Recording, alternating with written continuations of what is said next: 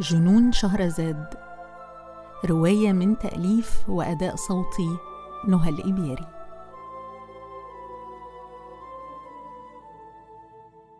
أربعة. تحت السرير. أصبحت بنت الوزير سيدة القصر في سن مبكرة حين ماتت أمها وهي تلد الأخت الصغيرة. كانت سيدة القصر الجديدة في السادسة عشرة من العمر. ولكنها بدت وكأنها ولدت لتكون أميرة بل ملكة. لم يكن بوسع أحد أن ينظر إلى تلك العينين الساحرتين ولا يخر ساجدا بالسمع والطاعة. وكنت دائما ما تراها تتمشى في حديقة القصر ومعها كتاب. كانت تقرأ في الصباح وعند الغروب.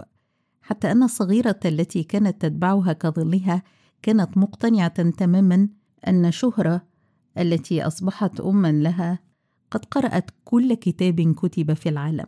لم أرى والدتي قط ولكن أختي كبرى كانت اما وصديقة لي. وحين رآها الملك وسقط في غرامها حتى النخاع انتقلت لتعيش مع زوجها وانتقلت أنا لأعيش معها. شهرزاد أو شهرة كما كنت أناديها هي التي أسمتني دنيا. قالت لأنك كل شيء. لم أفهم ما كانت تعني بذلك. ليلة العرس تسللت إلى غرفة الملك والملكة واختفيت تحت السرير. سمعت أصواتا مخيفة وبدأ لي أن شهرة تئن من الألم. قاومت بشدة رغبتي في الطلوع وإنقاذ أختي من براثن هذا العفريت. وحين اكتشفني الملك تحت الفراش ضحك بشدة وأمرني أن أجلس معهما لتناول العشاء. في البداية كنت أراه مخيفا قادرا على قتلك في لحظة غضب. لكني مع الوقت أصبحت أنتظر عودته من مجلس الحكم بفارغ الصبر. وسرا كنت أتصوره يمسك يدي أنا ويهمس في أذني أنا. كنت أقضي ساعات وساعات أتصور نفسي أنا التي أجلس جواره وأنام تحته حتى أنه قد بدا لي في لحظة أن العالم هو الوهم وأن الحلم هو الحقيقة. كنت أسير في عالمي هائمة على وجهي لا أرى شيئا غير حلمي. وحين كان يسافر كنت أشعر أن الهواء قد سحب من الحياة وأني غير قادرة على التنفس حتى يعود. كان الكل يخشاه حتى شهرزاد لكني كنت أمزح معه وأعاتبه وأضحكه بغير أن أشعر بنقطة خوف واحدة.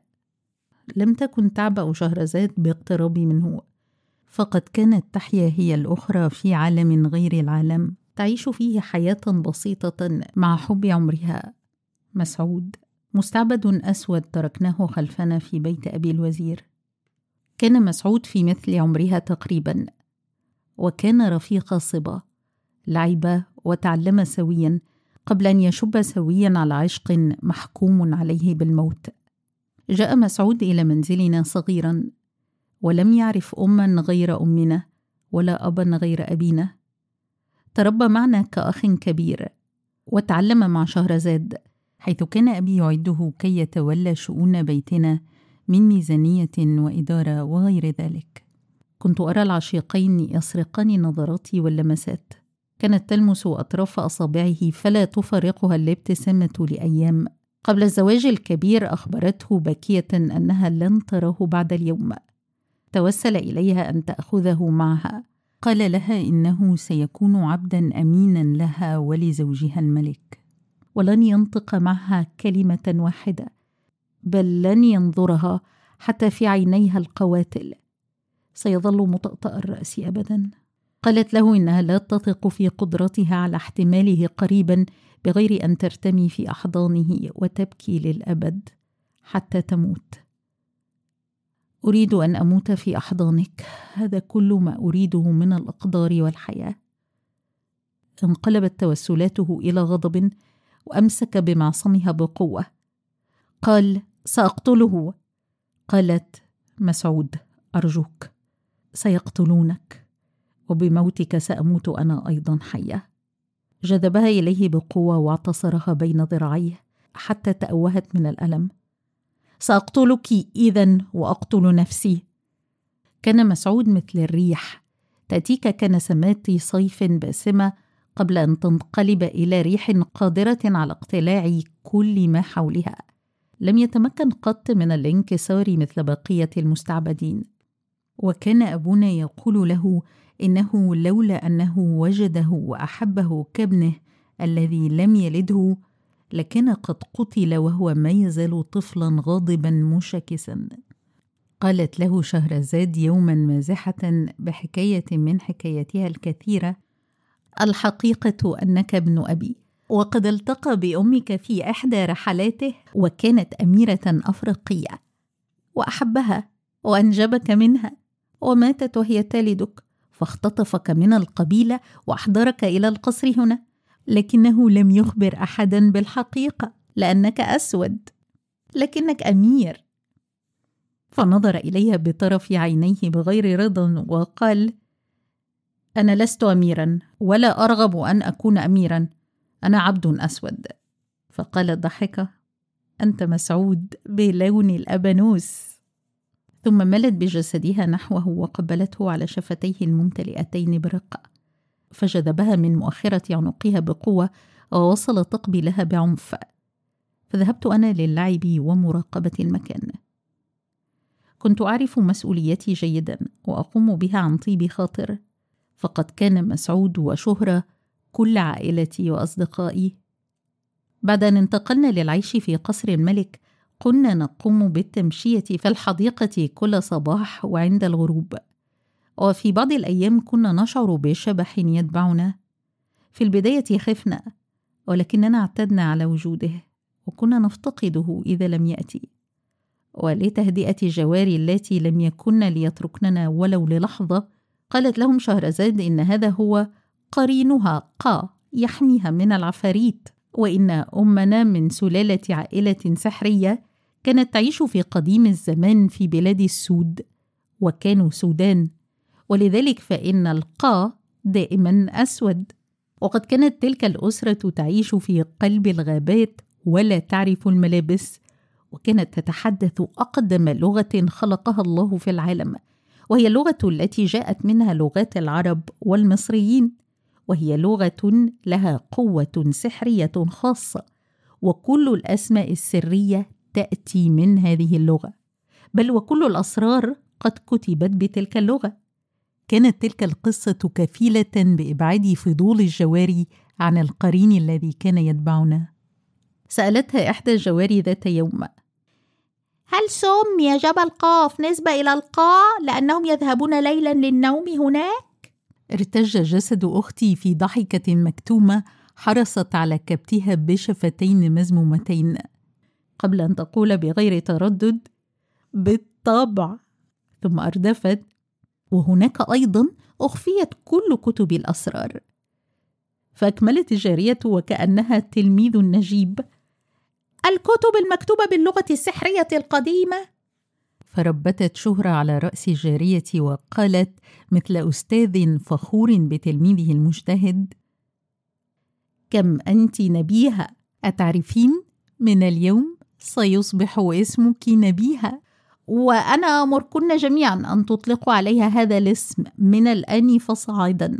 كانت تطلق تلك الحكايات بربطة جأش وبغير أن ترف لها عين. حتى أني أنا التي أعرف حقيقتها أكاد أصدقها. أخبرتني حين كنت صغيرة أن الأمهات حين يتركن عالمنا يتحولن إلى نسور هائمة تهش على بناتهن العفاريت. وحتى هذه اللحظة أجدني أصدق ذلك. وكلما قصت علي الأيام أبحث عن نسر في السماء يهش عني العفاريت. في أحد الأيام جاءت ابنة خالتنا لزيارتنا. كانت فتاة ممتلئة مليئة بالحيوية تميل إلى الجمال. تحب إظهار ذراعيها البضين وصدرها الناهد وتتحدث بصوت عال وتضحك بفم مفتوح يطلق ضحكاتها الطويلة الرنانة كسرب الحمام المجنون. كانت ابنة خالتنا تزورنا كل عام تقريبا. تأتي مع الربيع وتذهب مع الخريف. وكنا نحبها ونتطلع إلى زيارتها إلا أنها كانت مليئة بالقصص المخيفة. كانت تقول إنها تدرس السحر الأسود على يد امرأة عجوز ربتها صغيرة. وأنها تتبع عقيدة قديمة تدعو النساء إلى ممارسة طقوس تعطيهن نوعا من القوة. لم تخبرنا قط بتلك الطقوس وبقدر فضولنا لمعرفتها إلا أننا كنا نشعر بالرعب منها.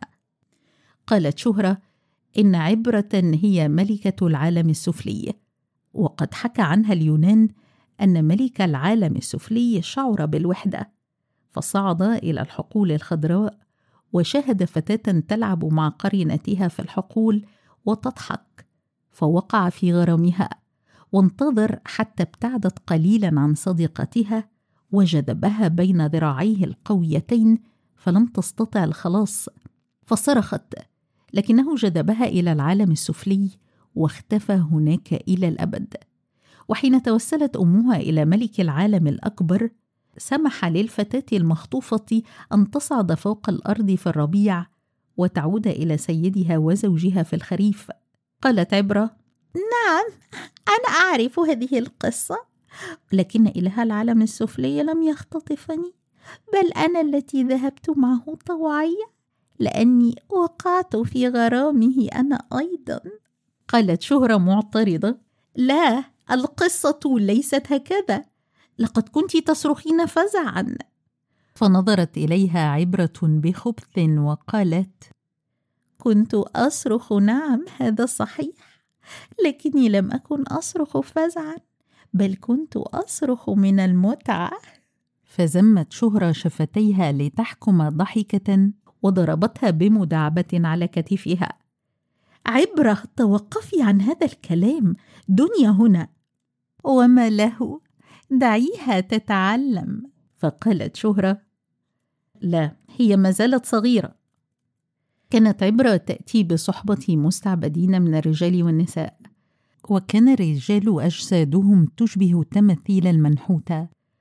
وكنا نعتقد أنهم خصيان.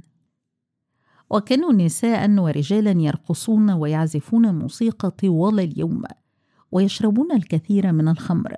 لفتت ابنة خالتي عبره نظر شقيق الملك على الفور. وتزوج سريعا. وتوقفت عبره عن زيارتنا. وفي أحد الأيام وجدت شهرة تبكي. وكانت نادرا ما تزرف الدموع. وحين سألتها عن سبب بكائها قالت عبره ماتت قتلت. سألتها بفزع من قتلها؟ قالت زوجها. شقيق الملك. لماذا؟ تغيرت نبرتها وأمسكتني من كتفي وقالت عديني بشيء. لا تسألي هذا السؤال مرة أخرى ولا تلقي بنفسك ابدا إلى التهلكة. هذا الجسد لا تجعليهم ينتهكونه. دماؤك ولحمك وعظامك وحواسك حياتك هي كل ما تملكين. قلت متحيرة أعدك.